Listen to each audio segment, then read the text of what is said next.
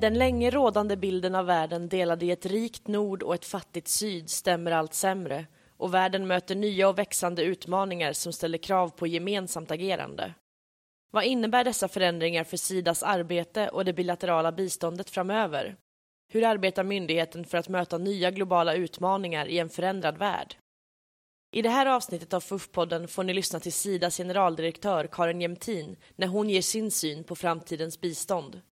Avsnittet spelades in den 6 oktober 2017. Om ni vill se filmen från seminariet så hittar ni den på vår Youtube-kanal, FUF Play.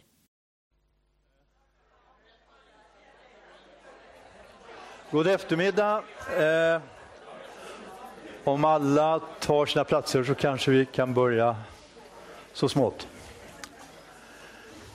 Eh, än en gång, god eftermiddag till, och välkomna till detta seminarium. Och ett särskilt välkommen och tack till Karin Jämtin som har varit vänlig nog att eh, acceptera vår inbjudan att komma och tala över inget mindre tema än det där. Eh, och eh, eh det är också särskilt roligt att se att så många har kommit. Vi var faktiskt tvungna för rätt länge sedan att dra ett streck. Vi hade kunnat ha minst en dubbelt så stor lokal. Men som tur är så gör vi som vanligt, det vill säga vi streamar seminariet och det kommer också finnas tillgängligt på, via vår hemsida för de som vill gå och avnjuta det en gång till eller har vänner och bekanta som, som vill titta på det. Eh, lite kort bakgrund varför FUF just nu har börjat sätta strålkastaren just på den här frågan. Eh, vi som har varit intresserade av och kanske ägnat oss åt eh, utvecklings och biståndsfrågor nästan ett halvt sekel vid det här laget. Vi, vi mötte ju en värld en gång i tiden som var ett, ett fattigt syd och ett rikt nord och en stor klyfta däremellan. Eh, en klyfta som man ibland såg ut att bara vidgas. Eh, tyvärr är det en bild som fortfarande finns i en betydande del hos allmänheten, visar olika undersökningar, även om Bland annat Hans Rosling gjorde mycket förtjänstfullt arbete med att försöka visa att det inte riktigt ser ut så. Men sådana som ni som har kanske följt de här frågorna lite närmre vet ju att den världen har förändrats ganska mycket i olika avseenden. Eh, jag ska inte gå in på allting också med risk att kanske föregripa vad Karin kommer att säga, men, men bara några snabba penseldrag.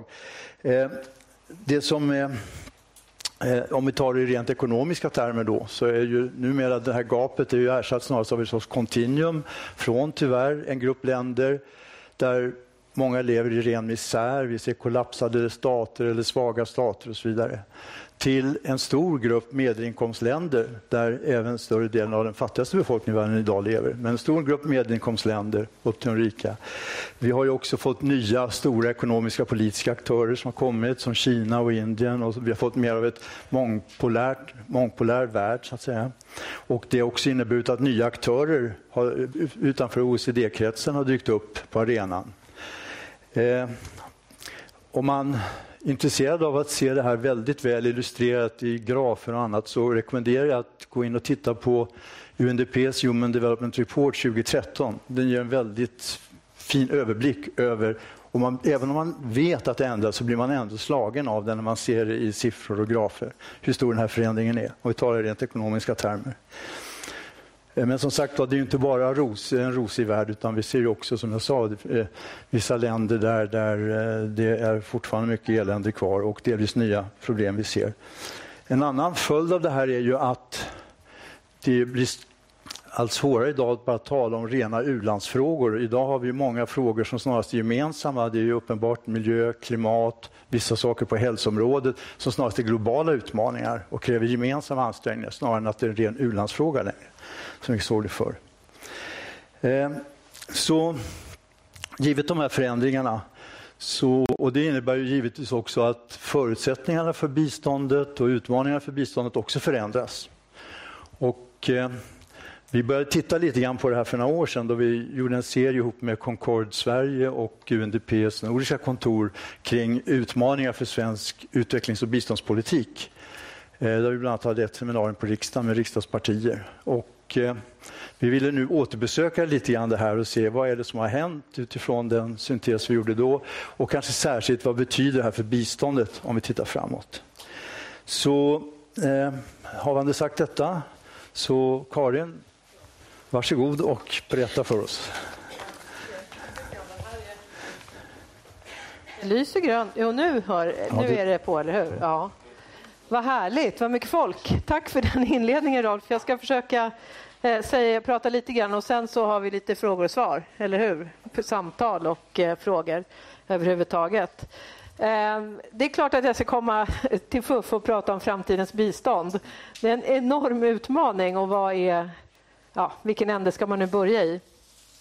Men jag ska skriva upp en sak bara. Ett ord. Så. Ehm, Egentligen så kan man börja lite olika ändar. Man kan börja i en orolig värld, man kan börja i en värld full av möjligheter. Man kan börja i en värld som faktiskt förändras positivt eller som bara förändras negativt. Sanningen är väl att det pågår lite alla möjliga strömningar samtidigt och det gäller att man försöker sortera ut detta. Man kan också börja i änden och prata om vad är, vad är bistånd och vad är, finns det för någonting annat som leder till fattigdomsbekämpning. Jag kan börja med att säga att det jag har sagt eh, länge, jag jobbade först åtta år på Olof Palmes internationella centrum och sen tre år i det där huset som biståndsminister. Det blev totalt elva år.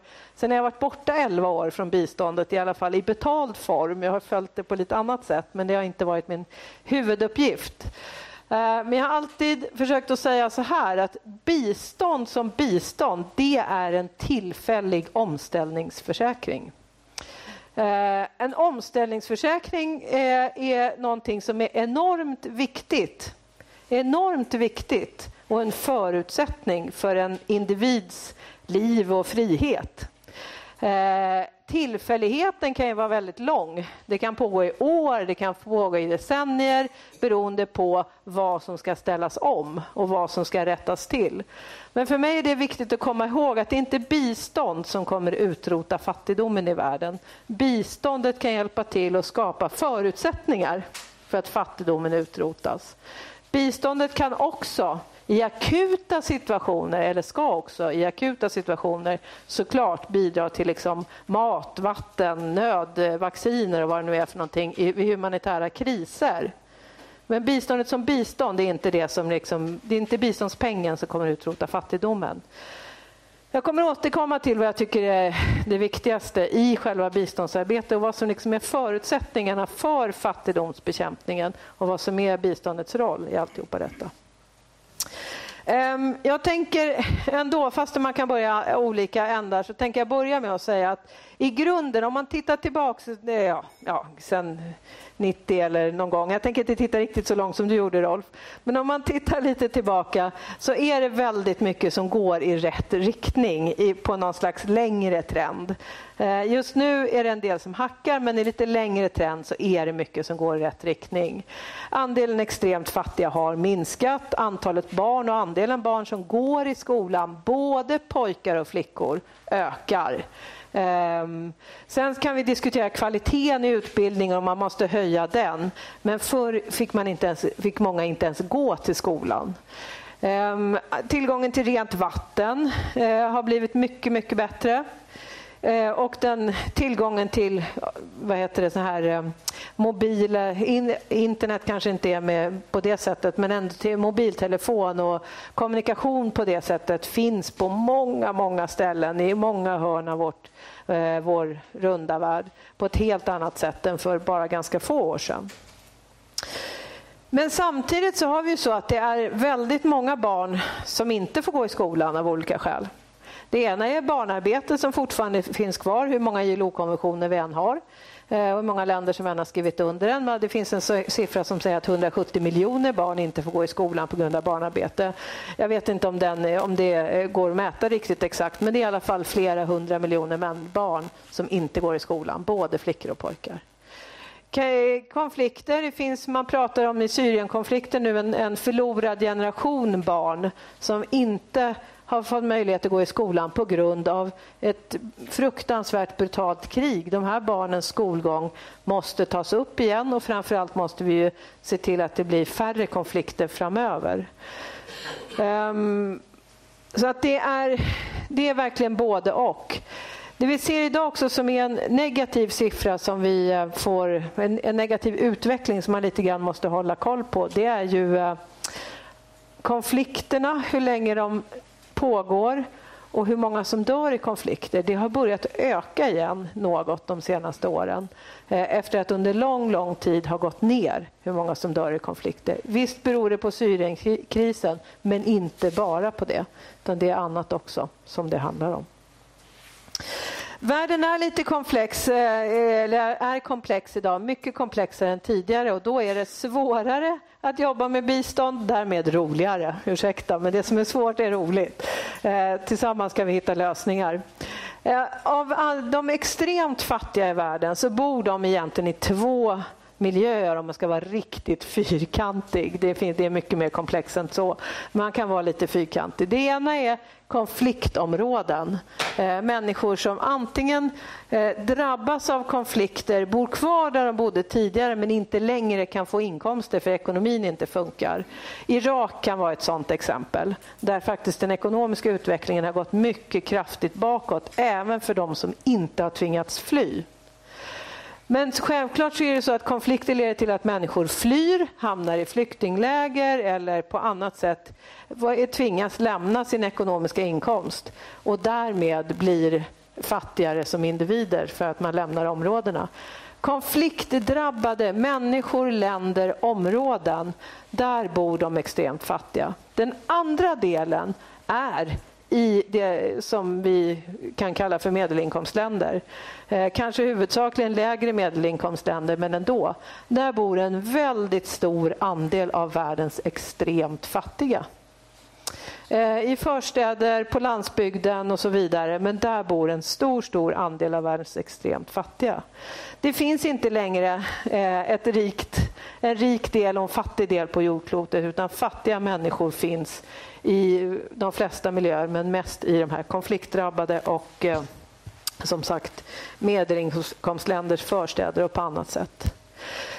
Konfliktområden har också, ja, vi har alla, jag ska börja andra änden, vi har alla drabbats, jordklotet börjar, eh, drabbas av klimatförändringar som vi själva är med och skapar. Eh, de som drabbas hårdast av de här klimatförändringarna är, också, är ofta också de som bor i konfliktdrabbade områden. Det har gjorts en studie princip, eh, precis. Eh, det finns ju många som säger att klimatförändringarna driver konflikter. Så kan det nog ha varit på några ställen, men framförallt så är det så att på de områden där det, där det pågår krig och konflikter så förstärker klimatförändringarna den fattigdom som människor hamnar i. Eh, det är svårare, ännu svårare att ha sin boskap, bruka jorden, eh, få sin inkomst, hitta sitt vatten eller vad det nu är för någonting. Så att eh, det som är den drivande faktorn kanske inte alltid är klimatförändringarna men klimatförändringarna leder till att fattigdomen blir djupare.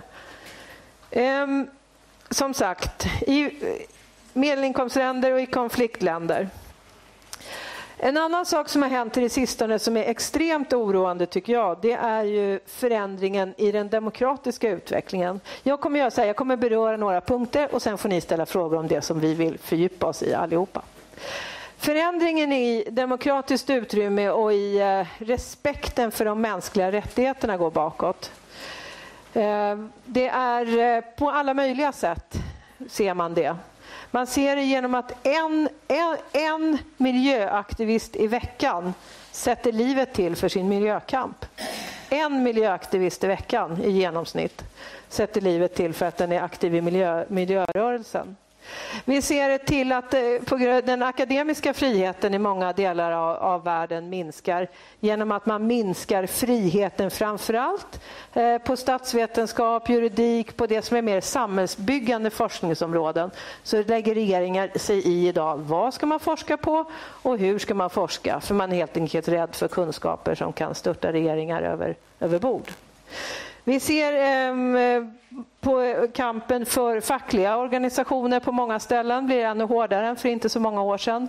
Politiska partier har det hårdare. Journalister förföljs. Eh, kvinnliga journalister förföljs hårdast av alla journalister. Man kan räkna upp länge. Utrymmet, det demokratiska utrymmet och utrymmet för mänskliga rättigheter krymps åt. Och det leder till en ökad rädsla i alla samhällen runt omkring Eh, på jordklotet. Man brukar använda en siffra som heter att mer än 120 lagar har fattats under de senaste åren i ett 60-tal länder som krymper det demokratiska utrymmet. Det är olika typer av, av lagar på olika sätt. Det där måste vi jobba med. Vi har också på de här allt var inte guld och gröna skogar i början på 2000-talet, men det var en enklare värld vi levde i då. Eh, det var en enklare värld, det var framförallt en mer positiv värld. Eh, vi hade en mer positiv värld på det sättet att det var fler som var i väg, på, fler länder som var på väg i en demokratisk riktning. Vi tog eh, en känsla av att det gick att påverka framtiden på ett annat sätt.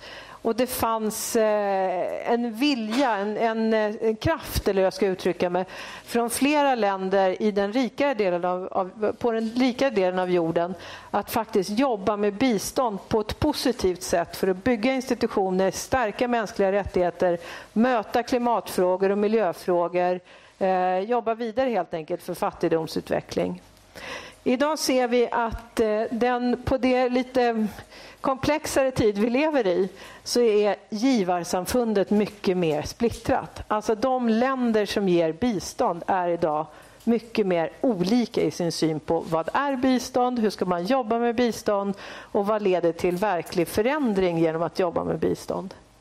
Det är många mer länder idag som knyter biståndet till sin egen hemmaagenda. Eh, Eh, flera länder som driver på att man ska få räkna av, alltså räkna in i biståndskostnaderna kostnader för sånt som eh, inte ens fanns på dagordningen för stora militära kostnader. Det kan vara eh, ja, en del andra hemmakostnader som gör att det redan från början ganska lilla biståndet till flera av de här länderna blir ännu mindre. Eh, givarsamfundet är väldigt är splittrat helt enkelt och det, det pågår en diskussion idag som är jätteviktig att Sverige är med i. Kina lägger sig i olika saker, tänkte jag säga, eller gör väl både bra saker på klimatområdet och en del tveksammare saker på, kring mänskliga rättigheter och demokrati och en del annat. Utvecklingen i USA är väl, om man ska uttrycka sig milt, oroande. Vi får väl se var det landar med eh, ordnerserna till USAID, alltså eh, USAs eh, sida om man får uttrycka sig slarvigt. Det kan inte riktigt jämföra på det sättet, men ungefär. Vi får lite dubbla signaler därifrån eh, om hur man ska jobba framåt, hur mycket pengar man får. Det vet man helt enkelt inte. En bra sak, definitivt en bra sak som vi alla hoppas jag tillsammans kan liksom ta kraft i framåt, det är Agenda 2030 och hållbarhetsmålen. De är 17 stycken, det är drygt 160 indikatorer. Eh, och de 17 målen berör allting. Det är fattigdoms, att utrota extrem fattigdom, det är jämställdhet, det är att företagen måste vara med i, i, i eh, fattigdomsbekämpningen, det är klimatfrågor, det är utbildning, det är hälsa, det är demokrati och så vidare. Um, man kan säkert diskutera delar i, i eh, Agenda 2030 och de här 17 målen, eller det måste vi göra. Men den, är, den finns där och det är någonting att utgå ifrån när man säger alla ni länder i världen, vi har, ni, vi har tillsammans skrivit under det här. Ni har sagt att ni ska ge era biståndsmyndigheter eller miljödepartement eller vad det nu är för någonting verktygen att också uppnå de här målen. Hur gör vi det? Och där är det jätteviktigt att just utgå från den här Agenda 2030 och jaga på organisationer, biståndsmyndigheter och framförallt regeringar i andra länder så att de faktiskt lever upp till de åtaganden som man har skrivit under på. Eh, då, det, det, är en, det är muskler i den Agenda 2030 skulle jag vilja säga. En sak som jag, jag ska säga några saker till bara innan vi ska ta frågor och sånt där som har slagit mig under de här... Nu har jag jobbat fyra månader och tre dagar sen jag fick eh, förmånen att efterträda Lennart eh, och Charlotte före Lennart. Men det är, eller fyra dagar eller vad det blir för någonting. 29 maj, ja i alla fall började jag. Men då är att vi, Sverige är väldigt annorlunda. Sverige är väldigt annorlunda, inte bara mot USA och Östeuropa, utan vi är annorlunda mot Norge och Finland också idag, och Danmark och massa andra länder. Och vad menar jag med det då? då? Jo, i riksdagshuset som är där borta så står i princip sju partier bakom eh, enprocentsmålet. Det finns ett parti som inte gör det, helt tydligt. Nästan alla partier som, som sitter borta i riksdagen står bakom ett beslut som uppfattades som väldigt kontroversiellt som vi tog i somras. Och det var att säga att i svensk stöd till mödrahälsovård ingår också aborter. För vi vet att en sammanhållet stöd till mödrahälsovård det innehåller också aborter, preventivmedelsrådgivning och sexualupplysning och sådana frågor. I Sveriges riksdag är det knappt kontroversiellt att säga. I Sveriges riksdag är det också helt självklart att stå upp för yttrandefrihet, pressfrihet, den demokratiska rätten att säga sin egen åsikt, även om ingen annan tycker den åsikten. Sen får man inte skända någon annan, man får inte vara rasistisk och så vidare. Eh, men man har rätt att tycka vad man vill i Sverige. Och man har också rätt att uttrycka det så länge man inte gör någon annan illa. Det finns en massa med saker som idag är extremt kontroversiellt bara man flyttar sig inte alls speciellt långt utanför Sveriges gränser. Eh, enprocentsmålet, de här sakfrågorna, klimatpolitiken finns det en bred politisk uppslutning bakom i Sverige. Vi ska vara glada för den, för det betyder att vi kan göra en sak med svenskt bistånd som få andra kan. Och det är att vi kan vara ganska trygga i att enprocentsmålet kommer väldigt få partier våga röra. Eh, faktiskt. Eh, och vi kommer att kunna jobba långsiktigt med svenskt bistånd och stå upp för att bistånd kan göra skillnad när man är just långsiktig, jobbar med partners ute i världen och står upp för vad vi vet är viktigt, det vill säga demokrati, mänskliga rättigheter, att alla barn ska få gå i skolan, alla människor ska få rätt till hälsa och så vidare. För det finns ett stort och brett stöd för detta eh, faktiskt här. Så är det inte. Inte ens som sagt i våra nära grannländer idag och då är det ännu viktigare att vi står upp för de helheterna. Sen är det, den, det är den ena delen att vi har en långsiktighet för det finns faktiskt ett, ett brett stöd. Sen finns det varianter på temat, det kan vi prata vidare om. Jag vet också vad som har hänt genom åren eh, faktiskt. Men, men, i huvudsak står vi gemensamt bakom inriktningen. Den andra saken som vi står bakom, som vi ska vara stolta för i Sverige, det är att vi har klarar av att fortfarande sätta den som ska driva utvecklingen i centrum. Det vill säga samarbetsorganisationen, samarbetslandet eller vem det nu är som är partnern eh, i det här sammanhanget. Det måste vara dens agenda som faktiskt bestämmer hur vi gör biståndsarbetet, annars så håller det inte över åren. Ehm, jag har sagt så här på våra personaldagar men också på andra ställen att vi ska vara stolta för att vi är framåtsyftande konservativa. Eh, vi står fast vid att vi måste, det måste vara den som jobbar med eh, utvecklingen, det vill säga Tanzanien eller den i Bangladesh eller Georgien eller var det nu är någonstans. Dens dagordning som styr. Vi har våra prioriteringar och vi ska självklart bara stötta det som vi står upp för. Men det måste vara de som styr, annars så blir det ingen långsiktig utveckling. Vi ska också vara stolta för, och, det, det som sagt gör att vi långsiktigt kan förändra olika saker.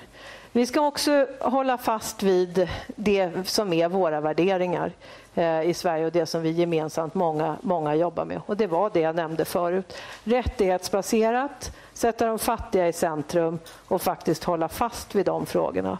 Jag har mött under de här månaderna väldigt mycket respekt för eh, jobbet kring SRHR som vi gjorde. Jag hörde innan jag åkte till, till eh, New York här nu i höstas att det var flera som frågade liksom, vad kommer de att säga nu då om det här beslutet kring SRHR?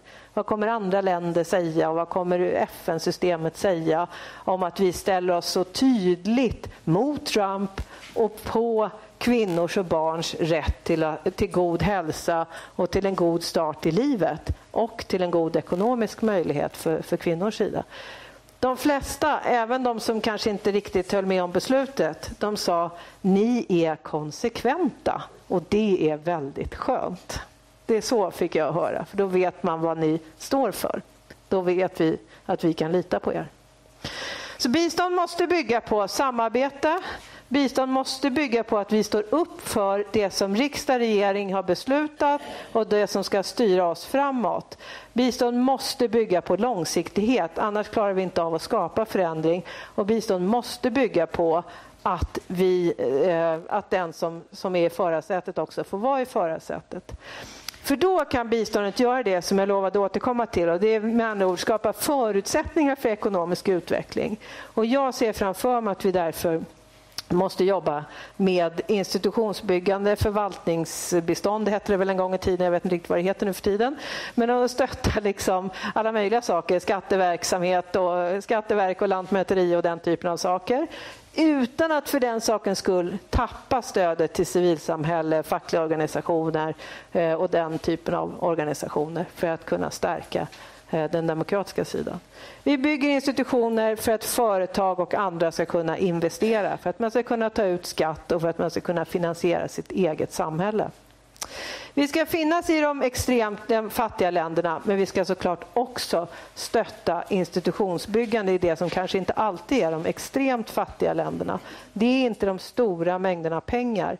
Men att göra en liten insats för Ja, lantmät... Nu hittar jag bara på något. Jag vet inte om vi gör det här. Lantmäteriet i, eh, i Georgien, säger jag igen, skulle kunna vara en jätteviktig insats för att helt enkelt få se till att skapa fler jobb eh, och möjlighet till, till att bygga sitt eget land. Eh, så att visst ska vi göra insatser i båda ändarna på det sätt som vi också blir styrda på. Nu har jag pratat längre än den kvart jag fick. Det brukar jag alltid göra. Så är det. Jag ska försöka svara kort på frågorna. Det brukar jag aldrig klara av. Så att, eh, lycka till. Eh, jag vet inte om ni vill börja eller om ni ska skicka ut frågor. Men eh, vi, jag kan prata vidare jättelänge om detta. Så Tack så hemskt mycket Karin. Tack.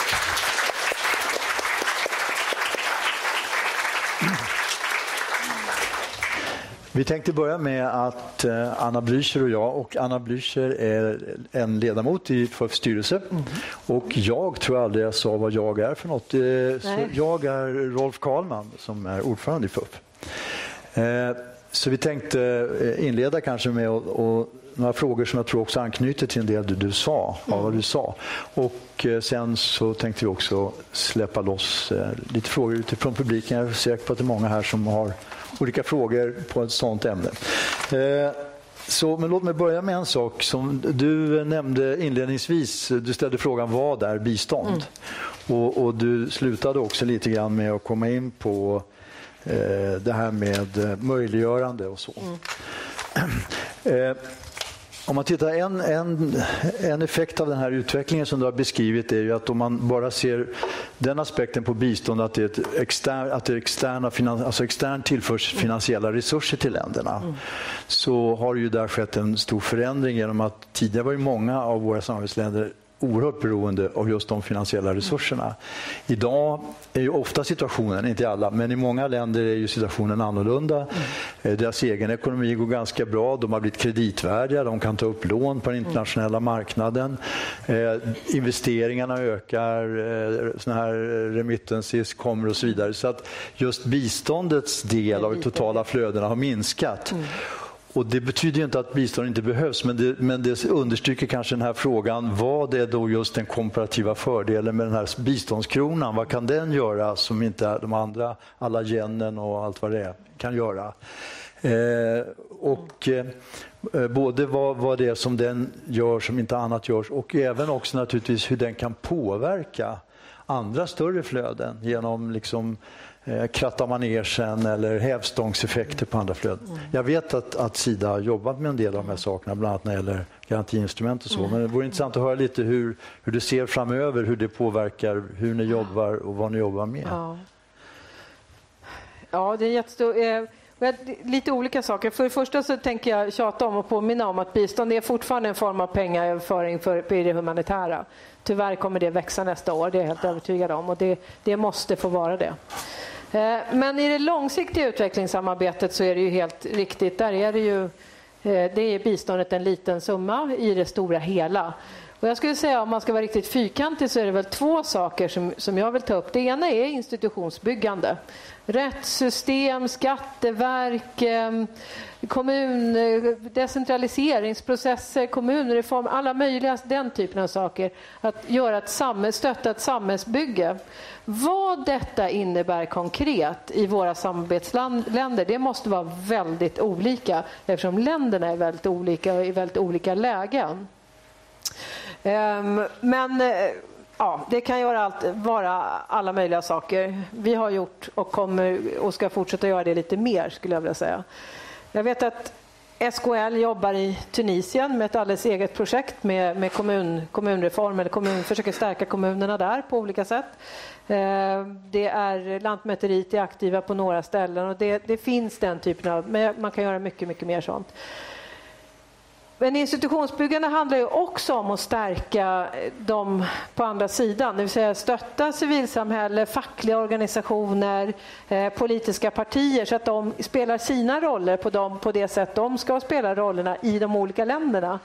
Eh, I en del länder finns det nästan inga fackliga organisationer för man har inte den traditionen. Då kanske det är civilsamhällesstrukturer istället som eh, företräder icke-organiserade kvinnor som jobbar på marknader eller som sömmerskor eller vad det nu är. Att vi också stöttar den typen av strukturer är, är, är jätteviktigt att vi dels fortsätter göra och gör framåt.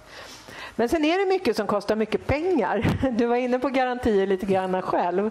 Eh, vi stödjer just nu ett projekt i Zambia som är ganska nytt eh, men som, och som man får utvärdera om en liten stund. Om jag minns rätt så är det, eh, det, det, är i alla fall en enprocentig siffra av zambierna som har tillgång till el. Jag kommer inte ihåg om det är sju eller åtta. Fyra, fyra procent, tack. Eh, fyra procent till och med bara av sambierna som har tillgång till el. Det här handlar om att, vi, att man ska få el ut på avlägsna platser, landsbygden, småorter, byar genom solceller helt enkelt i huvudsak. Och det är ju småskalig energi, kanske i ett enskilt hushåll, en enskild skola och sånt där. Och där har vi en påhittigt sätt att upphandla, som är, det är ett privat företag helt enkelt. Och det, det Sida gör är att garantera mot, mot, eh, ja, för förluster mot leverans av el i nästa ände. Det här kan bli jätte, det är ganska nytt så vi har inte sett resultatet men så hittills har vi sett att det är, fungerar väl. Vi får se var det landar någonstans. E energitillförsel är jättedyrt och där kan vi göra mycket med andra typer av, av instrument eller verktyg eller så kallar det för än gåvobestånd än pengar som sådant. Då blir pengarna mycket, mycket mer helt enkelt. Och där finns det jag tänkte säga, oändliga möjligheter var väl att ta i, men det finns många möjligheter i alla fall. Mm. Tack så mycket. Anna? Jag kommer eh, fortsätta på spåret eh, kring institutionsbyggande mm. Eh, och gå in på utmaningarna i det bilaterala samarbetet mm. som vi ser framöver. Mm. Och då är flera av de länderna som mm. Sverige har haft ett omfattande och långt mm. samarbete med mm. är idag auktoritära regimer eller plågas av hög korruption. Exempel på det kan vara Mosambik och Tanzania. Men samtidigt så ser man att biståndet går mm. till eh, civilsamhällsorganisationer i allt större utsträckning mm. eh, och att eh, i minskande grad går till regeringssamarbete för institutionsbyggande. Eh, och om man tittar på siffrorna i OpenAid så ser vi att, mm. Eh, att biståndet via mottagarländernas offentliga sektor, som du mm. ger exempel på, mm. eh, har blivit allt mindre. Så vad betyder det för biståndet också i, i mm. relation till civilsamhällets minskande handlingsutrymme som du nämnde? Mm. Och liksom hur kan biståndet jobba i den typen av miljöer? Mm. Och jag, jag, tror att det är en jätteviktig punkt som du tar upp. Att vi måste vi kan ju med bistånd dels stötta civilsamhället så att man har möjlighet att ta fram sin röst och verkligen ta den plats som man har rätt till eh, och som man vill ha. Det bestämmer man ju själv om man är bara en utförare eller om man också vill ha en röst i sitt samhälle. Men sen så är det lika viktigt att vi stöttar andra ändan. Det som en del kallar för ansvarsbärare, man kan kalla det för vad som helst. Men institutioner som faktiskt ser till att det finns ett rättssystem så att man inte åker i fängelse om man säger något som, som regimen är obekväm med det pågår precis som du säger i flera av länderna som vi jobbar i och som vi har jobbat i länge. Faktiskt ganska rejält negativa eh, utvecklingar just nu. Um, Mosambik nämnde du, Tanzania är faktiskt riktigt oroande just nu eh, på massor med olika sätt. Eh, Kambodja har det varit mycket skriverier om i svensk media. Det, eh, Guatemala mm. har vi hållit på med länge. Guatemala har vi stött rättssystemet väldigt länge. Jag tror faktiskt att vi fortfarande gör det. Och varför jag vill säga det är för att jag tror att i flera länder när den här typen av utveckling händer så kan det hända att en viss del av, av det offentliga går, blir jättenegativt. Men att det finns bra man kan stötta domare, domarutbildning eller rättssystem eller ett skatteverk eller vad det nu är för någonting. För där finns det människor som faktiskt vill göra ändring. Sen måste man känna det. Det är olika i olika länder hur man kan stanna kvar när det blir en sån där negativ utveckling. Men jag tror att man kan lära sig av det här att vi måste jobba med att stötta institutioner, utbilda juridiska jurister heter det. Eh, utbilda statsvetare, utbilda tjänstemän helt enkelt på olika sätt. Som för att hålla ordning och reda på fundamenten i ett land så att det faktiskt finns en, en solid bas med människor som vill upprätthålla demokratin. Det vi också ser just nu, det är ju, jag tror jag nämnde det också, det är en jättenegativ utveckling kring yttrandefriheten. Eh, och det är flera givare som, som drar tillbaka stöd till, till yttrandefrihet, till, till öppenhet, till tidningar, till, ja, till att helt enkelt människor ska kunna säga sina åsikter på olika sätt. Inte bara stöd till journalister utan också annat. Och där tror jag att vi ska göra en insats också. Höja lite det. Mm. institutionsbyggande och den typen av frågor. Mm. Men det är, eh, ursäkta jag ska bara säga, det är också någonting som man måste jobba med andra. För att samtidigt är det ju svårare att jobba när, när, man, när man jobbar med en regering eller en stat, när vi jobbar ihop med andra givare i ett läge där utvecklingen känns som ganska positiv. Då är det jag vet inte, man ska, det låter väl slarvigt av mig, men då är det relativt enkelt att göra den typen av stöd. Enkelt är det inte, men lättare än i ett sånt här läge när det faktiskt är ganska negativt. Så att det, det gäller att, att tassa försiktigt mm. ändå. Mm. Tack. En, en, annan fråga som också gäller eh, förutsättningarna på, för landsamarbeten kan man säga och som mm. anknyter lite grann till Annas fråga. Det är ju att, eh, och jag tror till och med det stod någonting om i, i proppen, att antalet like-minded minskar. Ja, och du, du var ju själv inne på det.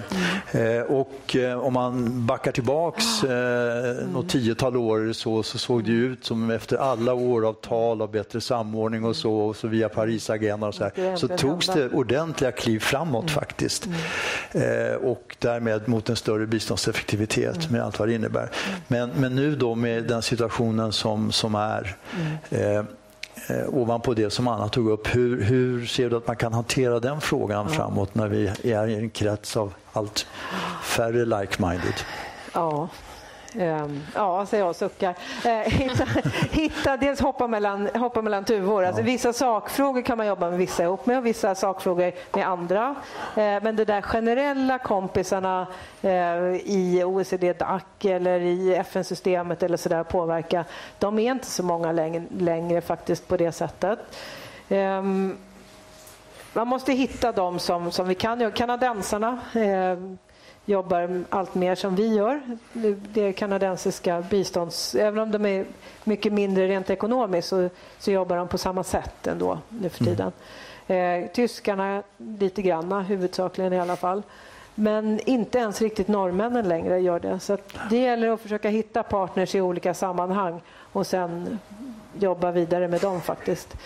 Sen har det hänt en, en eh, Ja, det är mycket pengar, men de privata stiftelserna har blivit jättestora. Mm. Jag har i veckan träffat både Ford Foundation som är under Gates i storlek i de amerikanska stiftelserna och eh, Open, eh, vad heter det? Open Society Foundation har också träffat. Eh, deras chef, båda cheferna på lite olika sätt. Och de gör båda två spännande jobb kring just demokrati, rättigheter, yttrandefrihet, jämställdhet, sticker ut hakan på, på saker som kan upplevas som kontroversiella i flera regeringar. Så det är ju en, vi måste vara rätt öppna för att jobba ihop med mm. den typen av partners också faktiskt. Varsågod. Tack. Eh, då tänkte jag gå över till en fråga om det multilaterala biståndet. Mm. där ser vi ju att, att insatserna via multilaterala organisationer som till exempel FN Eh, utgör en ökande andel av eh, biståndet. Eh, och i, I de insatserna ingår en betydande, förvalt, alltså betydande förvaltningskostnader till organisationerna. Men mm. förvaltningskostnaderna till ehm, till liksom den svenska biståndsförvaltningen, de ökar inte. Där tillförs inte ökande resurser. Och hur kan detta liksom förenas med att det är krav på kompetens och kapacitet på Sida för att vi ska kunna vara en aktiv eh, biståndsaktör och eh, kunna påverka normativt i, i de multilaterala organisationerna där vi är en stor finansiär? Jag tänker på andra änden. Jag, jag, hoppas och har stor tilltro till att vi faktiskt får ökat förvaltningsanslag nästa år till Sida. Eh, det beror på om riksdagen vad heter det, röstar igenom den budget som har lagts eh, på riksdagens bord, men det hoppas jag att de kommer att göra. Och då får vi ett ökat förvaltningsanslag. Sen kan man alltid tycka att vi eh, alla vill, alla vill ha mer, tänkte jag säga, men vi, vi, har, vi, har fått, vi kommer få en ökning, det, det är jag ganska övertygad om. Ehm, sen finns det en ökad efterfrågan på Sida, om jag börjar den änden så ska jag säga lite om multi, eh, kring att vi ska vara med och vara experter på olika saker, det som du var inne på. Det tycker jag är jättekul och vi ska vara experter och vi är i mångt och mycket experter på många saker. Myndigheten finns det massor med duktiga människor på utvecklingsprocesser, på jämställdhet, på miljöfrågor, på, ja, på massor med olika saker. Och det där måste vi kunna svara upp emot och faktiskt bidra med de kunskaperna. Och det, det tar tid och det måste därför få kosta pengar. Så vi, det kommer att vara en fortsatt diskussion men, men som sagt jag, jag, hoppas att vi får lite ökat eller vi får ökat förvaltningsanslag nästa, nästa år. Jag ska ta bort ordet lite. Eh, vi får ett ökat anslag, sakanslag. Biståndet ökar och då måste vi ha mer pengar att hantera de pengar som ökar. Multilaterala, ja det ökar i eh, pengar och i andel också. Men det kan ju också vara...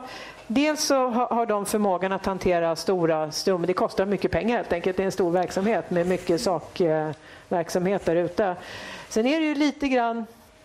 Man samordnas ju också genom att jobba genom det multilaterala systemet. Där finns alla givarna på samma ställe och vi har bestämt i UNFPAs styrelse eller WHO eller var det nu är någonstans hur man ska prioritera de där pengarna. Så det blir ju lite svar på Rolfs fråga om, om eh, like-minded och samordning och den typen av saker. blir ju, att jobba genom FN-systemet är lite grann att man samordnar sig genom multilaterala systemet om det inte riktigt går andra vägar. Mm. Men finns det inte, om jag bara får haka, finns det inte en risk att kapacitet och eh, behovet av att, att kunna vara en aktiv givare och påverka. Vi, Lars Anell påpekade ju i den här studien om enprocentsmålet att Sverige är stort sett proportionellt sett störst i varenda multinationellt eh, organ. Mm. Och samtidigt om vi då vill eh, på det sättet eh, vara med i det normativa arbetet mm. plus att flera länder mm. börjar tycka någonting annat än vi så kräver ju det en hel del kapacitet på mm. hemmaplan. Det det. Hos Sida eller kanske hos andra svenska aktörer som man kan dra på så att säga. Jo, som det... Sida kan. Men, men, och då misstänker jag att det där ökade förvaltningsstödet mm. kanske inte är så där jättestort i förhållande till, eller det får någon annan Vi, kan ja. allt, vi, skulle, ja, vi lämnar det där ja. Men du har helt rätt i själva sak. Eh, vi, det, det, kräver att vi är aktiva som, som Sveriges sida utifrån vår roll på olika sätt och driver på och ja, vilken fråga det nu är vi, vi vill jobba med. Allt från kvinnors rättigheter och få, få in det i alla FN-organ till antikorruptionsarbete som vi har en lång väg att vandra i multisystemet. Eh, men där, där Sida och eh, andra svenska representanter gör ett jättebra arbete på att trycka på. Men det, det kostar pengar. Det kostar tid och därmed mm. pengar. Mm. Så är det. Mm. Tack så hemskt mycket. Vi kanske ska ta och höra lite grann vad, vilka undringar och funderingar som finns eh, ute här på golvet. Jag kommer inte kunna vara rättvis, klara av, se vem som räckte upp handen en, en milli, millisekund före någon annan. Utan jag kommer vara lite godtycklig. Jag hoppas ni står ut med det. Jag ska framförallt börja med att få igång den här mikrofonen. Så. Eh, Bengt ska få... Oj! Varsågod Bengt. Hej, jag heter Bengt Säve Söderberg. Det är nästan exakt 50 år sedan jag började jobba på Sida mm. och var där några år. Eh, varför jag nämner det var att då var man med stor entusiasm inne i det här första eh, skedet som gick ut på att huvudsakligen bygga upp nya länder. Och det gjorde man med en mängd avtal med olika regeringar och, och, och hoppades att det skulle kunna funka. När man nu tittar på situationen idag så kan man se att de flesta av de här regeringarna och länderna är alltså fyllda av korruption. Man har då, trots det samma sån här fördelning av så här mycket ska gå till det och det landet som man gjorde förr i tiden. Eh, men samtidigt har man då tvingats till att eh, fördela huvuddelen av de här pengarna till olika frivilligorganisationer. Och man kan fråga sig om balansen, är det rimligt? Men det andra som ju då, eh, det som präglar de här länderna och som har fått tidigare regeringar att helt enkelt strypa allt samarbete med det offentliga är ju korruptionen. Eh, och jag frågar mig, vad kan man göra åt det? Det här är en cancer som man inte stryper på över en natt. Och du, ni var inne på det här också. Men när jag tittar på vad man gör eh, på det här med, som du själv var inne på, institutionsbyggandet så kan man se att det har halkat långt ner på prioritetslistan. På den tiden gjorde man ju, och jag vet att ni har varit åt, eh, att Finansdepartementet har till stor del bestämt det här att man ska gå, att det multilaterala ska öka för att där, den, deras förvaltningsanslag eller kostnader bryr man sig inte om. Men det man gjorde också då 1967 var att man insåg att eh, vi kommer att syssla med landsbygdsutveckling. Och då utvecklade man eh, någonting som sen har blivit bestående, ett stort samarbete med Ultuna. Och, och därmed byggde man kapacitet.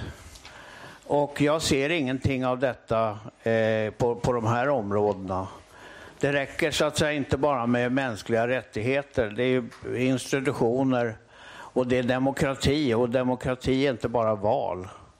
Det är det ena. Den andra bara kort säga att den förra regeringen ströp bistånd överhuvudtaget till eh, allt vad man kallar medelinkomstländer. Mm.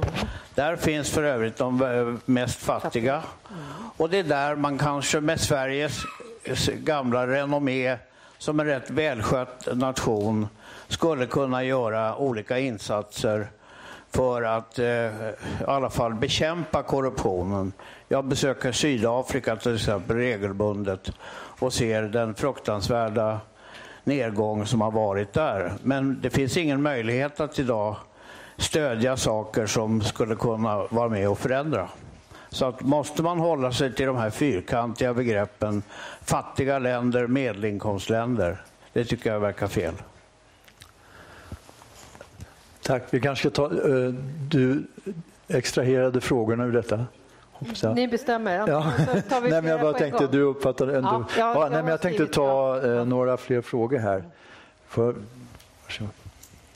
Hej. Vi kanske tar tre frågor. Eh, det knyter lite an till vad Bengt sa här. Jag heter Kerstin Borlin. Jag är, leder ett eh, center på Stockholms universitet som heter Spider. Jag jobbar med IT i eh, utvecklingsländer.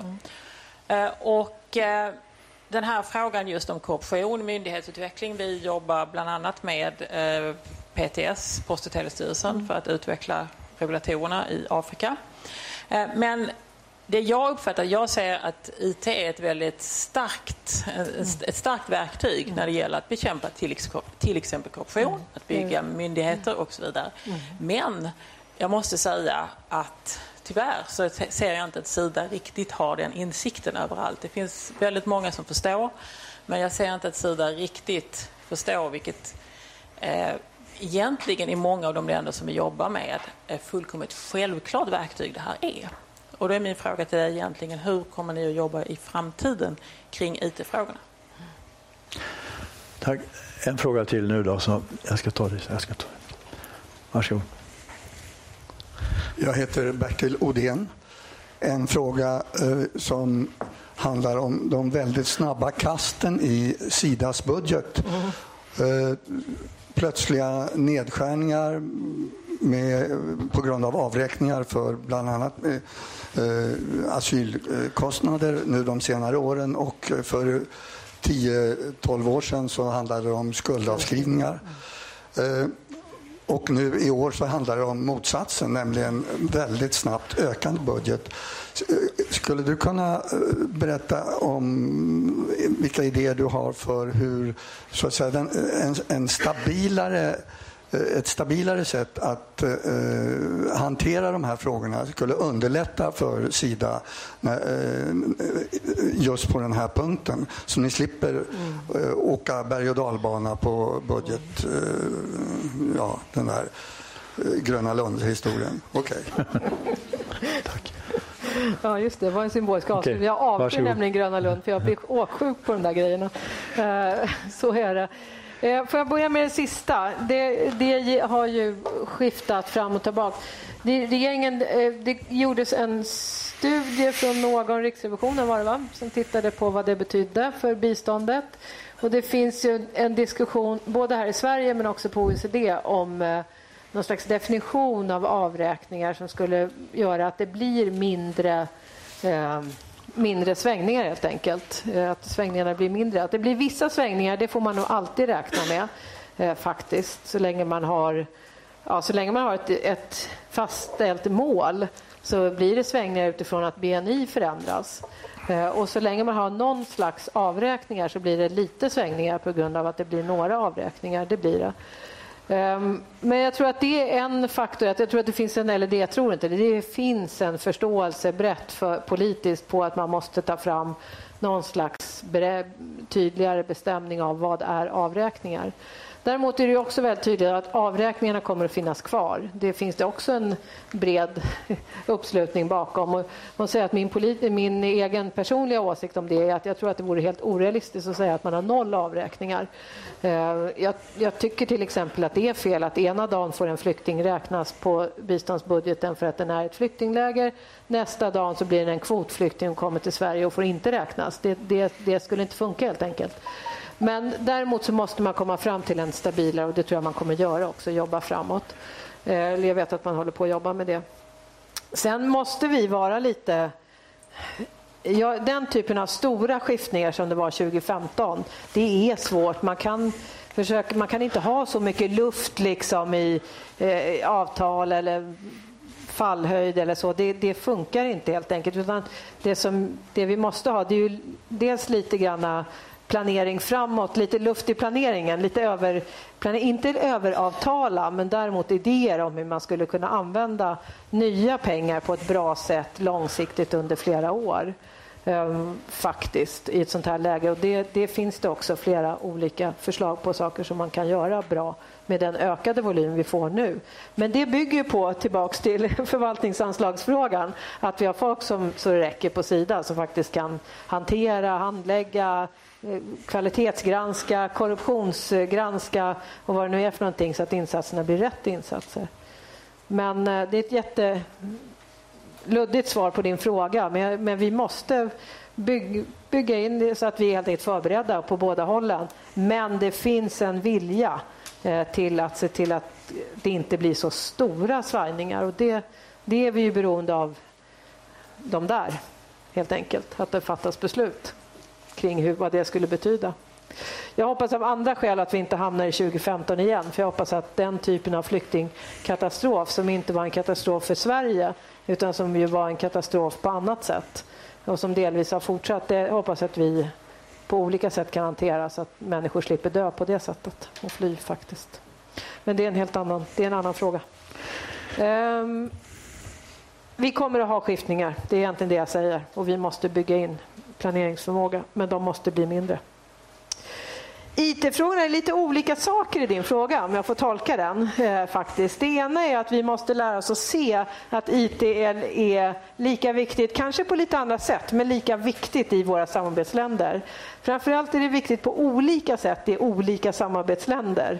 Eh, en del är extremt fattiga och kanske under en krigssituation och andra har en väldigt hög täckning eh, på, på IT-uppkoppling och på möjlighet till att använda IT på olika sätt runt omkring i, i hela sina länder. Det är väldigt olika. Men dels måste vi se att IT är ett verktyg i våra samarbetsländer precis som det är hos oss. Robotisering kommer inom en kort nära framtid att eh, göra att en del jobb som har gjorts i vår del av världen kanske aldrig kommer göras i de fattiga länderna på ett sätt som gör att det här med sysselsättningsmål, att ha sysselsättning som drivkraft för utveckling kommer bli ännu svårare i en del av våra samarbetsländer. Vi måste liksom se det när vi planerar och tänker. Och frågan är hur vi då liksom kan stötta med utbildningar eller annat eller använda deras erfarenheter i, i vårt arbete. Det andra är att IT används på ett negativt sätt om man pratar om demokrati och mänskliga rättigheter men också på ett positivt sätt. Och där måste vi liksom se båda delarna. Det är inte bara svart men det är inte heller bara vitt i, i användandet av IT. Jag tycker nog att vi gör en del på Sida, men att vi skulle kunna jobba mer. Jag skulle kunna tänka mig att det är väldigt olika hur medveten man är om att IT är viktigt i de olika länderna. Faktiskt. Så det eh, får vi ta med och jobba med. Men eh, jag tror jag förstår frågan och jag tar med det. Korruption jobbar vi definitivt med. Vi kan göra mycket, mycket mer. Det, idag skrev jag på, jag tänker inte säga med vilket FN-organ, ett avtal där vi för första gången hade en väldigt tydlig klausul om eh, informationsplikt åt båda håll. Så de är tvungna att informera om, om det sker korruption i deras verksamhet i ett ställe där vi finansierar samma typ av, eller samma organisation i det landet och vi vice versa om vi upptäcker det. Det har vi haft tror kanske med ett annat FN-organ tidigare.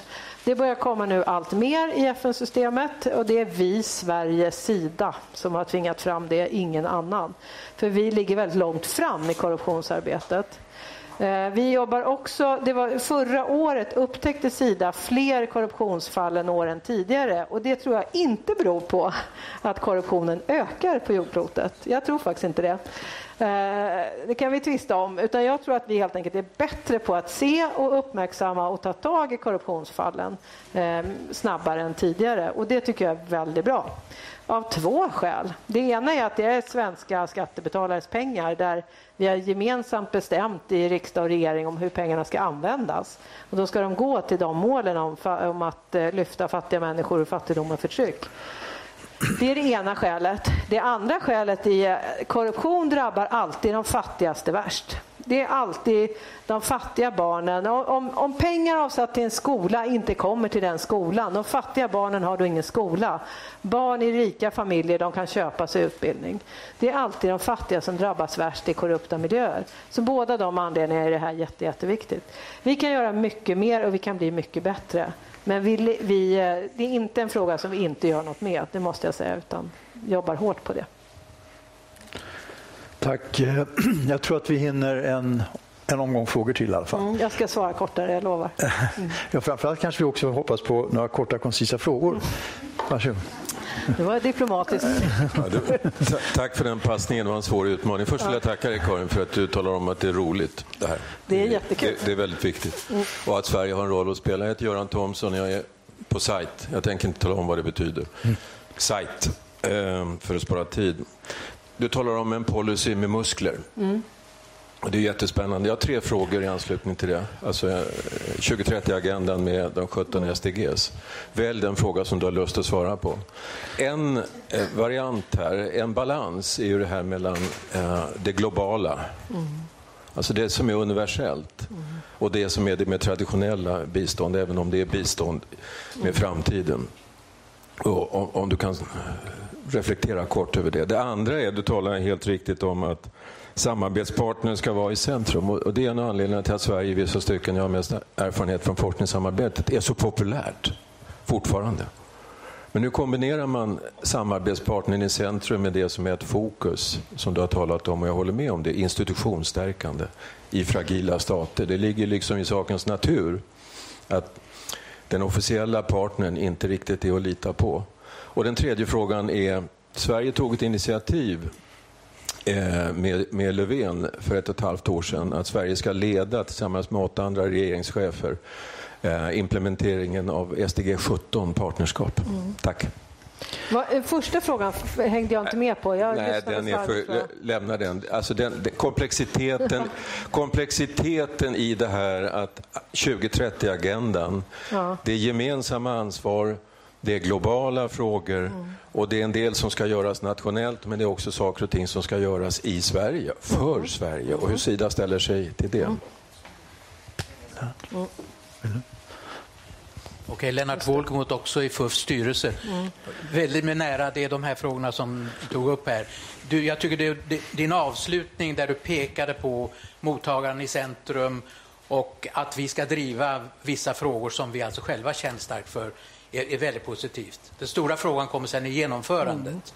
Och eh, du nämner inte ett ord riktigt kring till exempel dialog.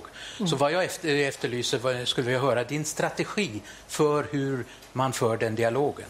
Framför allt med bristande då personal och kompetens på alla dessa områden där ni ska jobba. Kompetens tycker jag nog vi har. Du har, du har redan fått tre frågor, men, men vi kan ta en frågande till ja, i alla fall. Ja. en kvinna tycker jag. Ja, det tycker jag också. Jag, jag tittar mig runt här.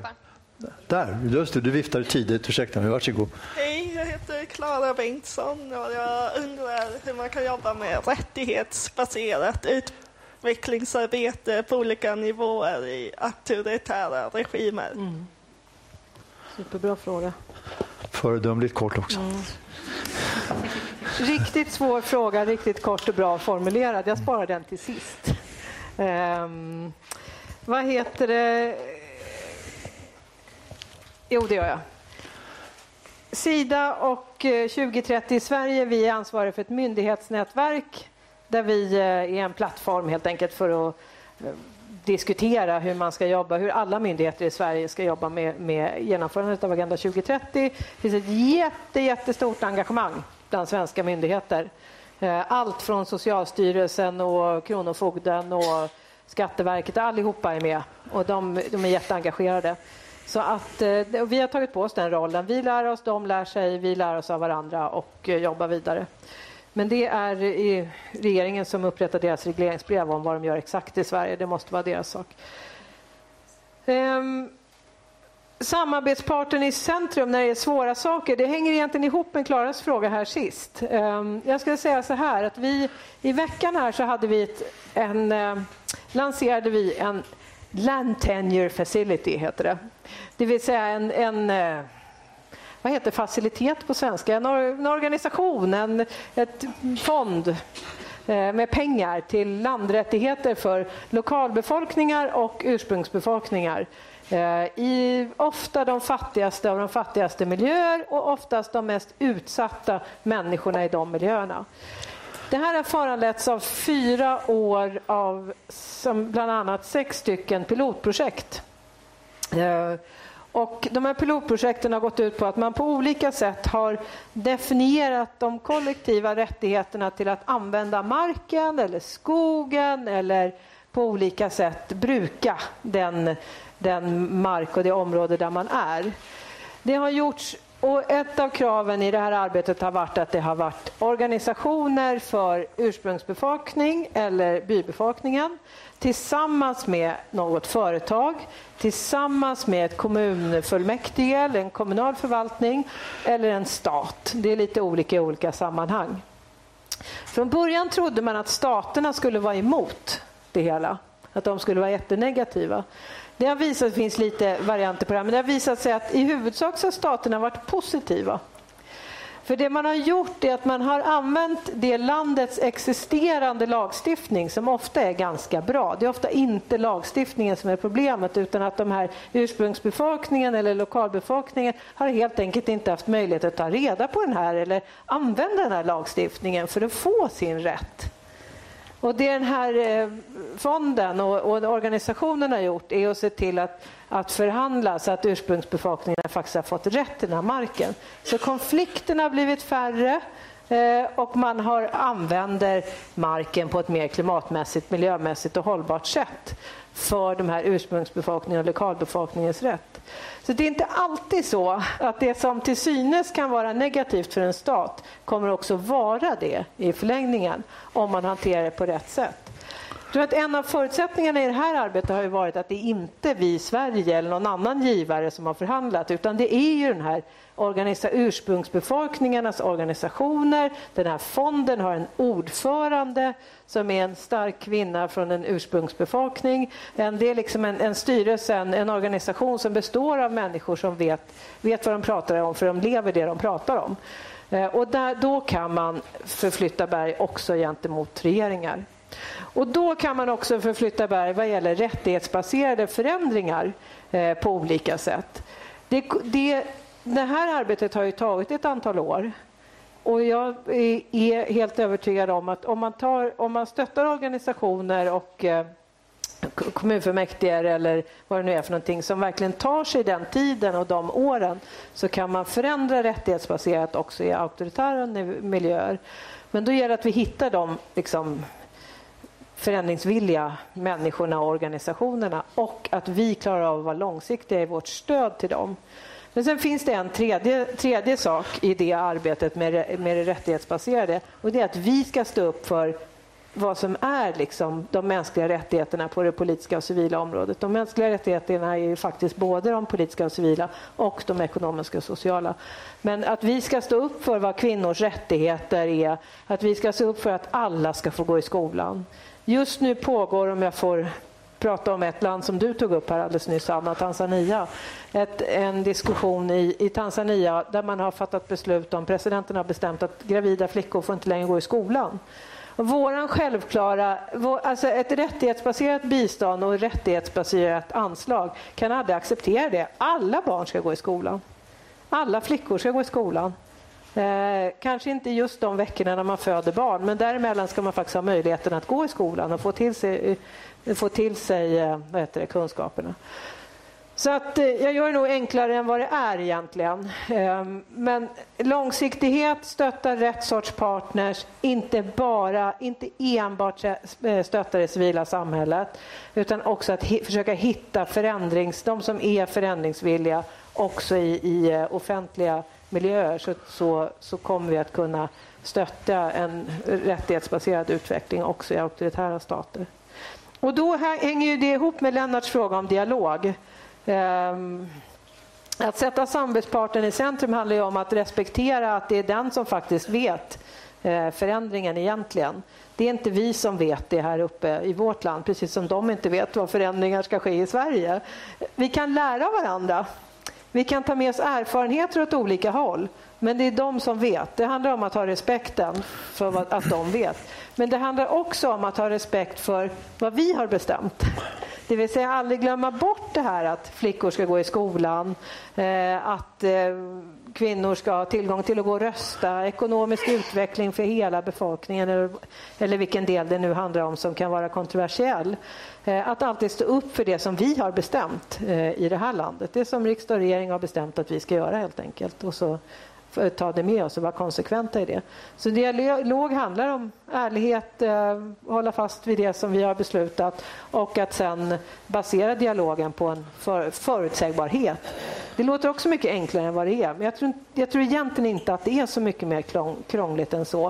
Eh, däremot är det väldigt svårt att göra i verkligheten, det vet jag också som har förhandlat lite knepiga saker på, på, på Palmecentertiden när vi jobbade med val i olika sammanhang. Och var går gränsen för samtal mellan Fatah och Hamas och var går olika sådana svåra saker som vi höll på med där. Det är svårt, men det finns bara en väg framåt och det är ärlighet i dialogen och respekt för varandra. Jag tror vi hinner en kort fråga. Varsågod. Ja, mikrofonen. Mm. Ett ögonblick bara, så det kommer med på... Där. Just det, jag heter Gerd Spens, vi har träffats förut. Mm. Eh, barnkonventionen, finns den representerad ordentligt i den här Agenda 2030 och hur mycket jobbar Sverige med barnkonventionen i åtanke? Jag tänker speciellt på eh, det som Sverige var med och jobbade mycket för när den skrevs, att barns rätt till lek. Och det finns den här internationella organisationen eh, International Play Association, finns mm. i ett 50-tal mm. länder sedan 50-talet det, det, är så kort jag kan säga. Jag har jättemycket mer att säga. Ja. Jag pratar gärna med dig sen. Och det är en jättestor fråga. Barn är man upp tills man är 18 och det är väldigt olika att jobba med små barn eh, och barn som är nästan vuxna i 15, 16, 17, 18 års åldern. Eh, börjar komma upp i den änden faktiskt. Det är två olika saker. Jag ska lite kort några olika saker. Det är klart att barns, barns rättigheter finns med på olika sätt i olika typer av verksamhet. En sak som jag får till mig det är att det är man har sämre... Man kommer ihåg barn sämre i humanitära situationer idag, så ska jag, om jag ska beskriva det lite. lite. Man, man, är så fokuserad på att faktiskt få in mat, eh, få vacciner och akut, akut överlevnadshjälp. Så det där att barn också, alla egentligen, både barn och vuxna, men, men barn specifikt, behöver faktiskt också överleva kulturellt och i hjärtat genom att leka eller ja, Ja, precis. Eh, och den delen har lite grann halkat undan. Det har åtminstone Rädda Barnen och en del andra påpekat ganska tydligt under de här månaderna när jag har jobbat här.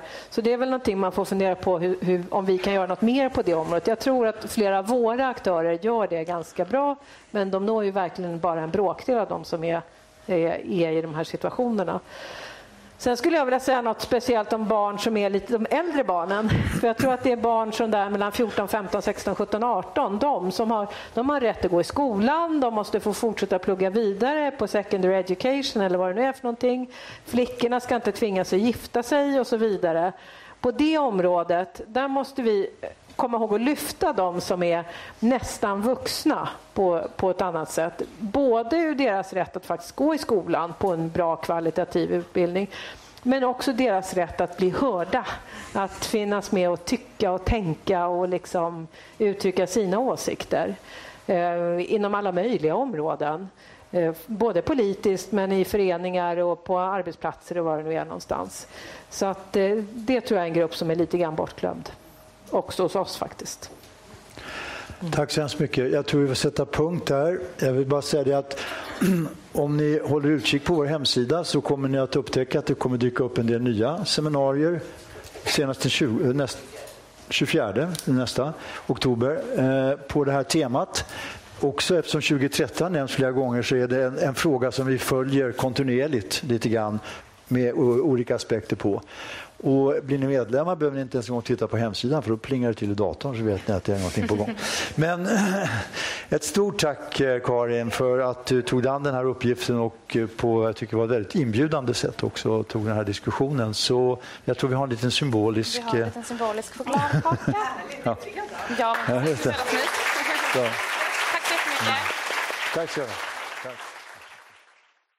Tack för att du lyssnat på FUF-podden. FUF är en förening som sprider information och skapar debatt om globala utvecklingsfrågor. Mer information om vår verksamhet hittar du på fuf.se.